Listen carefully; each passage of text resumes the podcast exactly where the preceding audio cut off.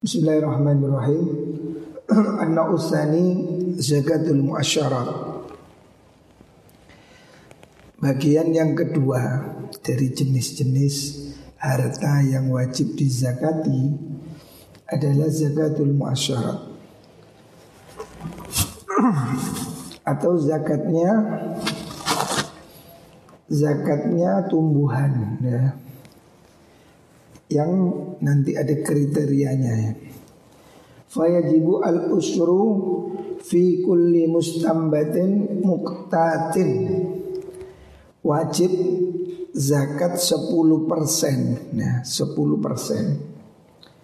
Di setiap tumbuhan ya yang ditanam ya bukan tumbuhan liar tumbuhan yang ditanam muktatin yang dijadikan makanan pokok atau yang bisa disimpan dalam waktu lama. Ya. Jadi yang wajib dizakati hanya tumbuhan ya yang ditanam dan bisa disimpan dalam waktu lama, dibuat makanan, ya. dibuat tepung, ya, dibuat beras, dibuat roti, itulah. Balagha sama mi'at sama ni mi'ati mannin yang telah mencapai kadarnya sampai 800 mannin. Nah, itu hitungan ukuran pada zaman dahulu ya. Ada yang pakai hitungan hitungan 5 ausuk atau 300 sok. Kalau kilo berapa? Ya. Kilo ini ulama ada beda pendapat. Berapa kilo ya? Ada bilang 720. Ada bilang 750 Tetapi kiai Ada kiai Jawa Yang ahli ilmu falak ya. Namanya Kiai Maksum Jombang ya Diwa Kiai Maksum itu membuat tabel Hitungan terkini Menurut perhitungan Kiai Maksum ya. Disebutkan Qadir ya kitab kecil tentang rumus hitungannya. Zakat perak berapa, zakat emas berapa, ya. Itu Kiai Maksum itu mempunyai hitungannya ya. Jadi gini, kalau menurut Kiai Maksum, eh, saya kira lebih lebih mudah karena ini kan orang Jawa, jadi lebih mudah kita pahami ya. Menurut Kiai Maksum wajib apa namanya zakat kadarnya itu berapa? Kalau di Arab yang wajib zakat itu kan kurma dan zabib, eh, kurma, tamar dan zabib. Maksudnya kurma kering dan anggur kering. Anggur kering itu kalau kita bilang kismis yang hitam itu ya kismis itu kismis kita buat kue misalnya. Tapi kalau orang Arab itu makanan pokok itu dimakan seperti kita makan nasi. Jadi kurma kering, anggur kering itu makanan orang Arab sejak zaman ribuan tahun yang lalu ya. Belum ada teknologi pengolahan pangan. Lah kalau di Indonesia yang relevan ya padi ya, gabah ya tahu gabah. Menurut hitungan Kiai Ali Maksum, Kiai Maksum Jombang, Gabah itu nisabnya berupa gabah ya. Gabah itu maksudnya padi yang masih ada apanya? Kulitnya. Itu gabah itu 1323,132 kilogram ya. Nisabnya. Jadi satu ton 323 kilo 132 gram ya. Teliti sekali hitungannya Kiai Maksum ini dia itu jago, jago falak. Makanya hitungannya detail. Kalau orang dahulu kan hitungnya cuma 5 wasak, 5 karung. Berapa per karung? Enggak jelas. Ulama berbeda pendapat. Berapa Nabi mengatakan itu 5 wasak atau 800 manin. Berapa manin? Mau enggak tahu kita. Karena zaman dulu hitungan ini masih pakai taker, di taker. Sehingga gramasinya belum jelas. Nah Kiai Ali Maksum ini seorang ahli falak Yang Kiai Maksum ini menghitung. Nah dia punya hitungan begitu.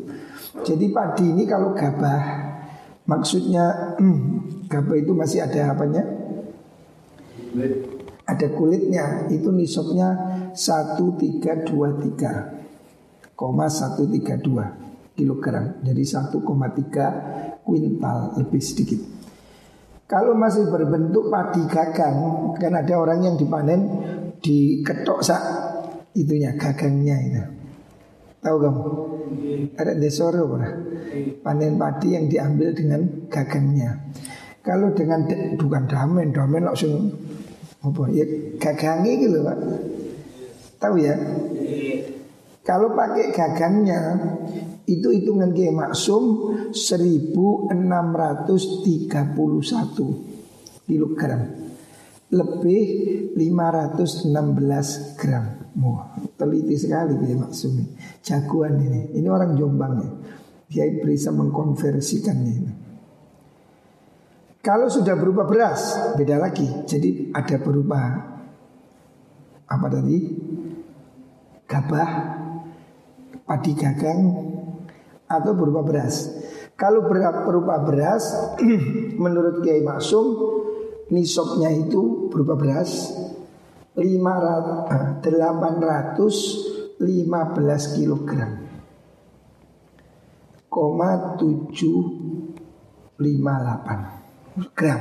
Nah, 815 kilo lebih lebih kira 758 gram. Nah, jadi hitungannya kayak maksud ini hebatnya sampai detail. Ya.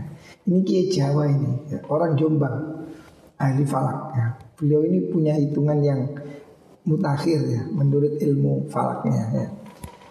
Kalau berupa gandum, Gandum beda lagi dengan beras. Kalau gandum kita nggak punya gandum. Kalau di Timur Tengah itu kan gandum. Gandum yang bahannya Indomie itu kan gandum. Ya.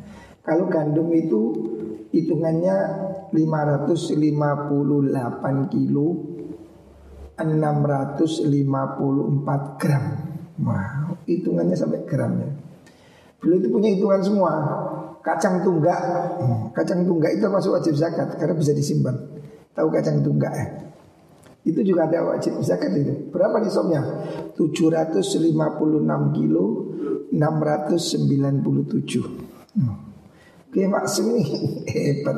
Kacang hijau juga harus zakat ya. Karena kacang hijau bisa disimpan, bisa dibuat tepung, ya, dibuat makanan. Jadi menurut madhab syafi'i yang wajib dizakati semua tanaman yang bisa dibuat bahan makanan dan disimpan, dijadikan tepung atau disimpan bijinya. Kalau di Arab pada zaman dulu kurma kering dan anggur kering, tamar dan zabib. Di Indonesia jarang tumbuh, ya ada mungkin tumbuh tapi tidak bagus ya. Di Pasuruan ada kebun kurma, Nah di Indonesia ini yang jelas apa? Ya padi ya. Makanya padi itu dihitung zakatnya berupa gabah, apa gagang, apa beras. gandum, gandum mungkin sebagian ada yang tanam ya gandum. Terus kacang tunggak, kacang hijau ya, itu jagung kuning, jagung putih ya. Itu beda. Nanti Kiai Maksum ini punya penelitian. Kalau jagung kuning nisabnya 720 gram. Kalau jagung putih kan ada bur, ada syair. Jagung putih 714 kilogram. Nah, jadi ini hitungan-hitungan itu di dalam kitab apa? Di dalam hitungannya kitab Fathul Qadir ya. Emas berapa? Emas itu kalau menurut Syekh Maksum nisabnya emas, hitungnya emas murni ya, bukan perhiasan aslinya, lantaknya. Emas itu nisabnya 77,50 gram. Ya, 77 setengah. Ya. Jadi kalau harta dagangan wajib zakatnya dihitung pakai emas. Ya sama itu nisab emas. Kan nisab emasnya ada yang bilang 85 ada yang bilang 82 ya. Tapi tahkiknya Kiai Maksum Jombang itu 77,50 gram Kalau hari ini emas lantak ya yang dihitung lantak. Karena emas yang dipakai cincin, kalung itu kan sudah 70 persen, 80 persen. Emas yang logam mulia ya, lantak. Itu kalau senilai emas logam mulia ya, emas murni 77,50 ya. Taruhlah kalau pakai uang hari ini harga emas 1 gram 1 juta. Berarti modal dagang sehitungan 77 juta 500 ribu. Itu berarti nisab wajib zakat. Tapi kalau daganganmu cuma bakul bakso, padeli, sedino dodolan pang sewu, telung atau sewu, ya gak wajib zakat, namun di bawah nisab. Nisabnya ini kalau sudah 77 juta 500 Bakul bakso omsetnya sehari 1 juta 500 tidak wajib zakat Jadi yang dihitung itu barang dagangannya Lah kalau kayak orang jual bakso Jual oleh bati dipangan Kulak mana Tidak wajib zakat Yang dipangan nggak dihitung saya punya tuku, dapat uang saya buat beli mobil, saya buat beli sawah, buat beli rumah, tidak wajib zakat semua. Yang wajib zakat yang ada di tuku. Tuku itu kira-kira ada barang berapa dinilai, itu yang wajib zakat. Yang sudah dibawa pulang, yang sudah buat menikah, buat beli mobil, beli sudah tidak dihitung zakat, berarti itu sudah dilepas. Ya. Seperti itu hitung zakatnya.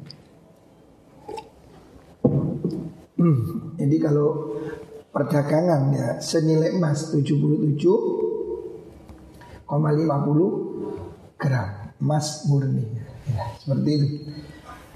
Wala syai'a fi madunaha tidak wajib zakat di bawah 800 man min tadi ya. Tidak wajib zakat di bawah nisab. Tadi kan saya, saya sebutkan kalau bentuk gandum 720 kilo, kalau bentuk beras 815 ya. Kalau di bawah itu umpamanya kamu panen sawah sak kedok. Ngerti sak kedok? Sak cepet panennya oleh mek limang sak. Ada wajib zakat ya. Wajib zakat kalau berbentuk gabah tadi pakai tangkai 1,6 tanpa tangkai 1,3 baru wajib zakat ya. Artinya di bawahnya tidak wajib zakat. Wala fil fawakihi wal qutni. Tidak wajib zakat buah-buahan.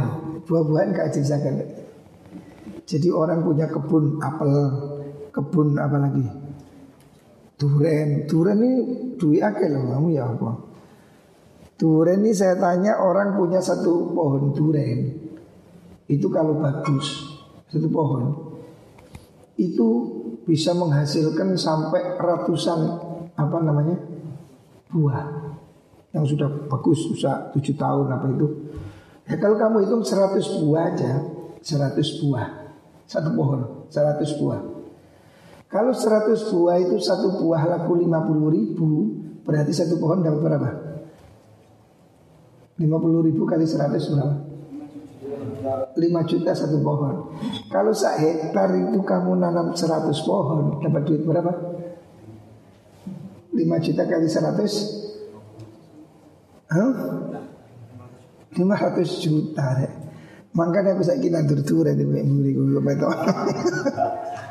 Tolong bibit itu panen 500 juta. Kamu kan nggak mikir ya Pokoknya gembira makan durian. Padahal kalau kamu mau hari ini kamu tanam nanduro durian saiki. Tapi durian sing apik loh.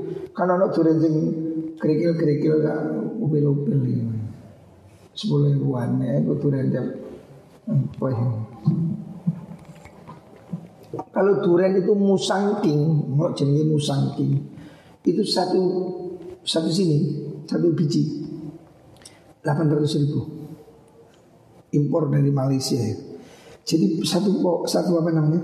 Satu biji paling murah 700 satu juta bisa. Situ rek mengendurin satu juta itu. Ngembon-ngembon intut juta Allah Akbar Tuh, padahal durian ini buah Indonesia, ya. tapi sekarang dikuasai Thailand.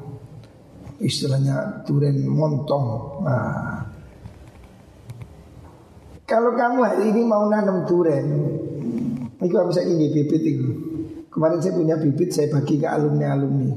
Harapan saya tak parok noy. Alumni kok duit. Saya kasih bibit, nanti kita bagi hasil. Ini saya masih punya. Ada berapa? 100 masih ada Saya masih punya 100 bibit Lebih Nah itu mau tak bagi ke alumni yang mau tanam 10, 5, 10 Nanti kita bagi hasil Bukan untuk saya Kasihkan pondok ya. Saya kepingin suatu saat pondok panen 5 juta, 5 juta, 5 juta Lumayan ya Seribu pohon 5 miliar. Hmm. umpamana itu jenenge wong ngipi bumbu ini manuk miper. Tapi mimpi kan boleh lah ya. Saya kemarin mendatangkan bibit duren. Ada seribu ya. Saya punya bibit duren. Apukat apalagi sirsak nangka. Ya. ini mau saya tanam di alumni-alumni kita nanti harus nanam ya. Memang saat paling tepat untuk nanam pohon itu 10 tahun yang lalu ya. Saat paling tepat itu 10 tahun yang lalu. Saya kira panen ya. Kon ketuni yo yo gak biyen-biyen ya wis. Jadi saat paling tepat untuk nanam pohon itu 10 tahun yang lalu. Kalau 10 tahun yang lalu Mirza nanam 10 buah, hari ini sudah panen 50 juta. Karena belum nanam saat yang terbaik yang kedua hari ini. Ya, ini saat terbaik hari ini. Makanya nanti besok kamu pulang bawa bibit itu tanam di rumah.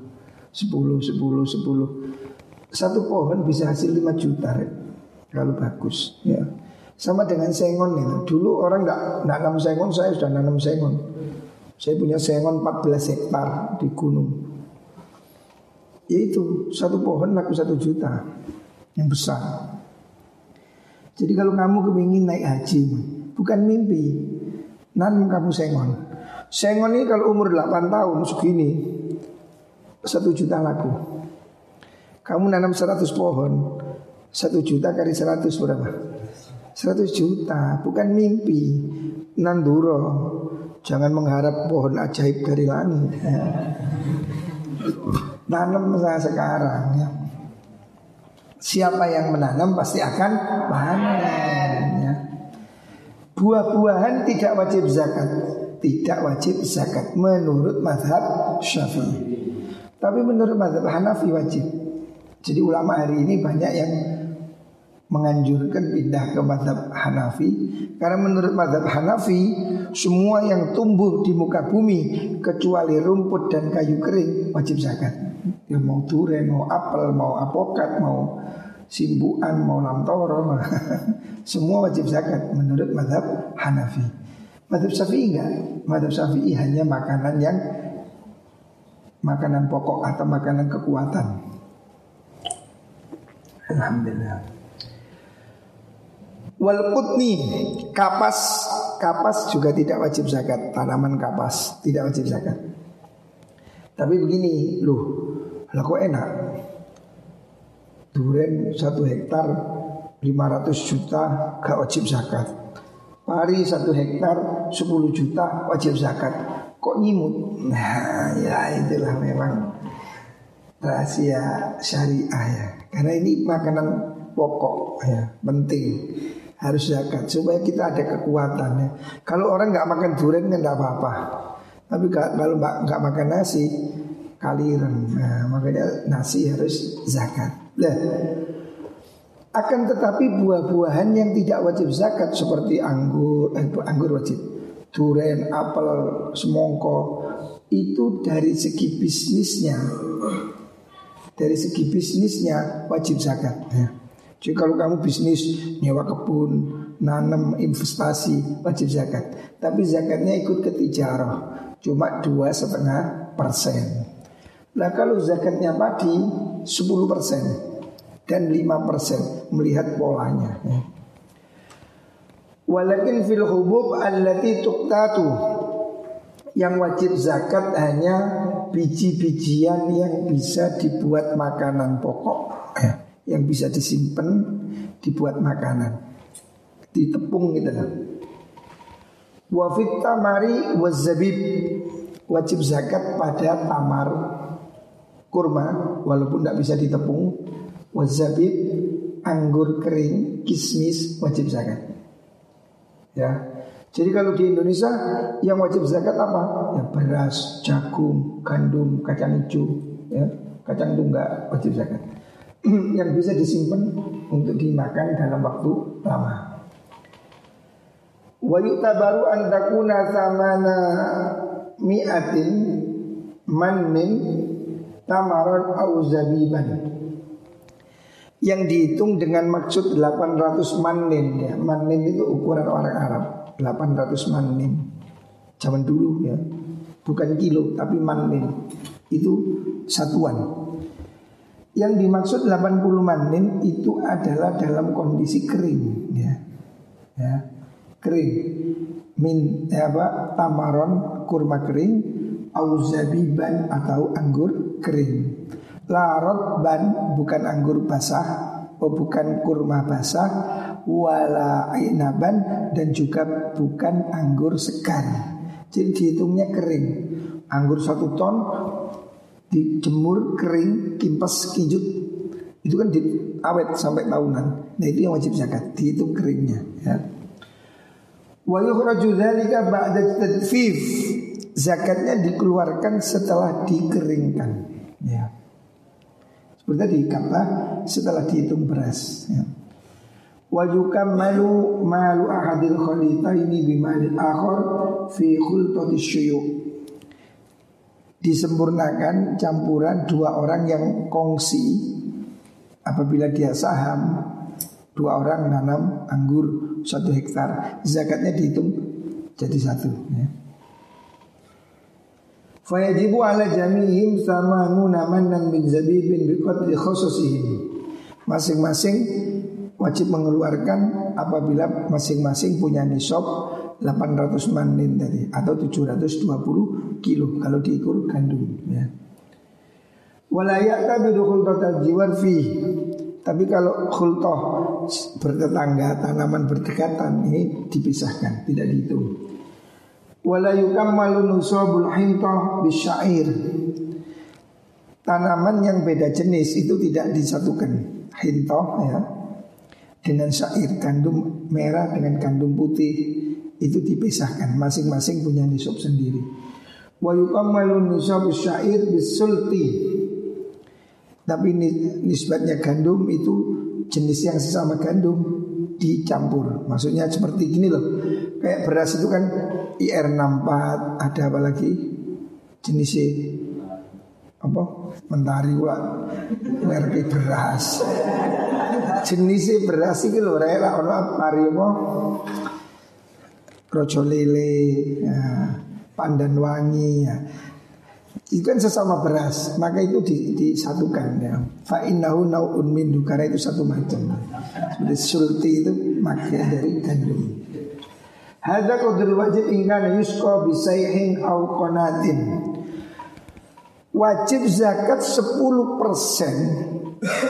apabila apabila tanaman itu disiram dengan irigasi tahu sungai ya artinya airnya ini tersedia mengalir di pinggir sungai jadi tanaman ini dua kasus.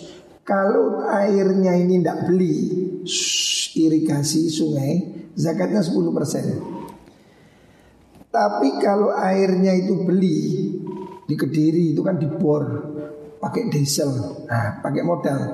Ini zakatnya 5%. Ya. Jadi beda. Kalau airnya irigasi atau sungai, zakatnya 10%. Tapi kalau airnya itu diesel atau beli atau tangki maka zakatnya separuh yaitu 5 persen. Fa in kana yusqa binad'in audaliyatin apabila air itu diairi dengan kincir. Zaman dahulu kan belum ada diesel. Ditarik ya gitu ditarik oleh hewan ya kayu pikul ya. Maka fayajibun nisful usur.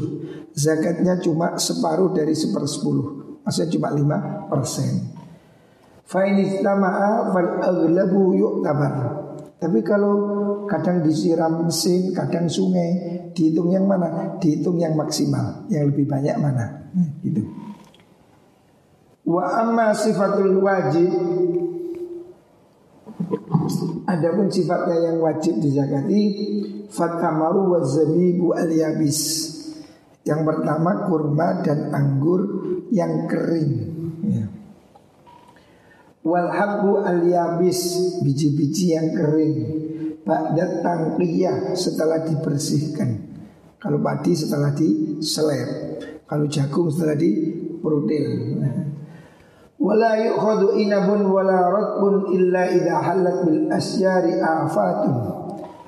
Tidak diambil zakat dalam bentuk basah, kurma basah, anggur segar kecuali kalau ada paceklik, takut selak, ada penyakit, ada rampok, nah, maka dipanen lebih awal, ada bahaya. Wa kanat al maslahah fi qatiha qabla tamamil idrak.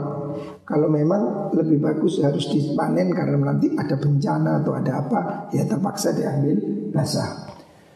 Fayuhadur ratbu wa yukar Kalau terpaksa dipanen basah ya ditimbang basah.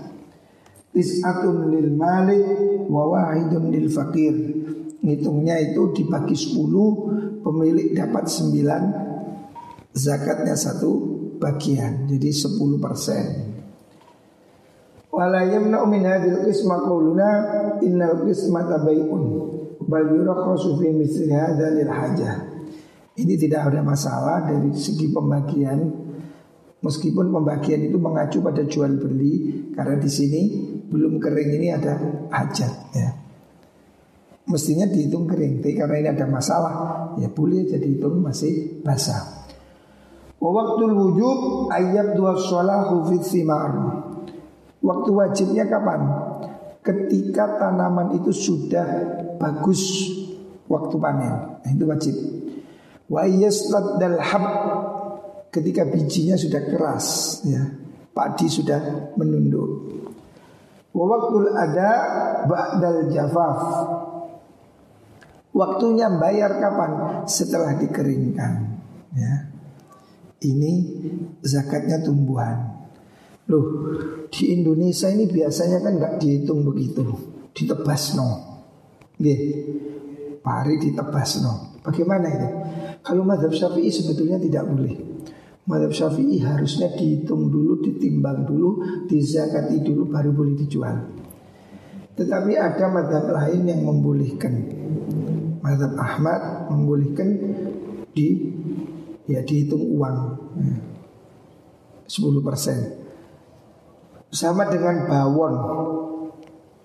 Madhab syafi'i Orang panen padi itu tidak boleh dipotong gulinya Bawon itu ada bawon tahu bawon Biasanya kan yang panen itu diberi sak black, sak apa, sak pikul. Itu nggak boleh menurut madhab syafi'i. Harus dihitung dulu zakatnya. Tapi kalau madhab lain ada mengatakan boleh Biayanya itu boleh ya. Nah ini memang ada perbedaan pendapat tentang masalah ini. Ya alhasil yang penting dikeluarkan zakat ya. Walaupun kalau menurut madhab syafi'i Aslinya ini harus dihitung dulu Ditimbang dulu Dikeringkan Dizakati Baru boleh dijual Tapi petani kan gak sabar ya. Biasanya masih kuning sudah ditebas no. Madhab syafi'i tidak boleh Tapi ada ulama yang membolehkan Selama ya zakatnya tetap 10% Kalau disirami pakai irigasi Kalau disiram pakai diesel pakai mesin zakatnya 5 persen. Ya. Ini zakat tumbuh-tumbuhan. Jadi yang wajib cuma yang bisa disimpan. Buah-buahan nggak wajib. Padahal hari ini hasilnya buah-buahan ini jauh lebih mahal. Ya contohnya durian. Ada lagi yang anggrek atau anggrek. Anggrek itu lebih mahal lagi. Bunga itu. Tani bunga.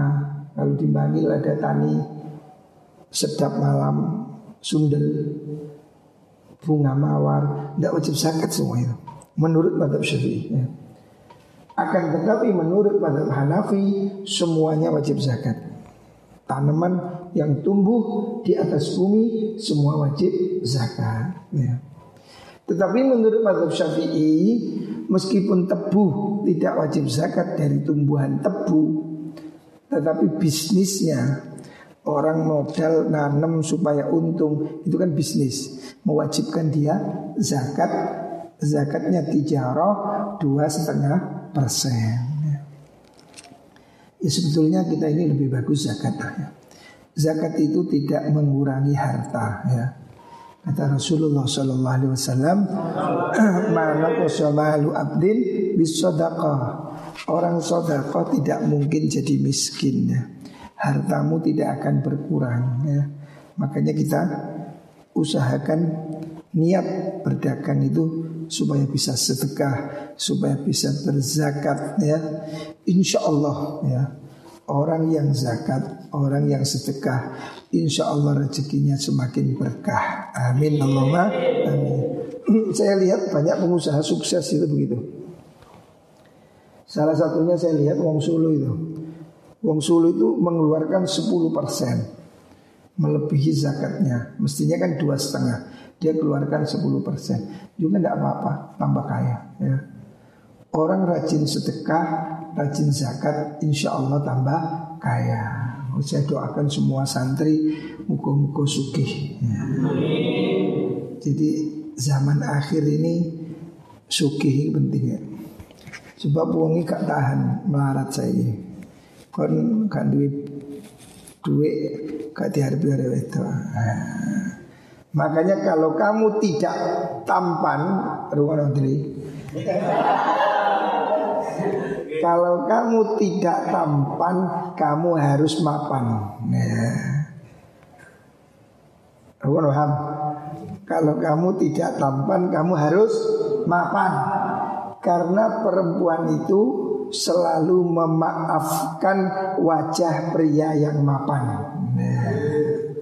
Masih elek pokoknya mercy kamu pois nah, dimaafkan Fadli numpak mercy uh, manis uh, si ireng jari ini wong manis uh. tapi lah numpak ya mancal don maksudnya jadi cobaan zaman akhir ini materialisme makanya saya pikir ya saya doakan Muka-muka santri kabeh suki. Tapi suki niati supaya bisa bersedekah, oh, supaya bisa berzakat. Ya. Tidak apa-apa. Yang dungo jaluk dan Gusti Allah nih. Yang memberi rizki hanya Gusti Allah. Muka-muka Allah memudahkan rezeki kita semua dan juga memberi kita semua kesehatan nih. Ini corona belum selesai, saya minta hati-hati Jangan ngeluyur ke warung, jangan pergi ke tempat-tempat ya. Pokoknya hindari ketemu orang. Saya ini sudah berapa bulan nggak salaman sama orang. Bupati datang nggak salaman. Kemarin utusannya Panglima Kodam Brawijaya gini aja. Masa kan duit yang ini. Gue bungkusan kayak ini. Tapi harus kita kurangi memang ya Kurangi sentuhan sama orang Salaman dikurangi Ini situasi ya Muka-muka segera dihilangkan penyakit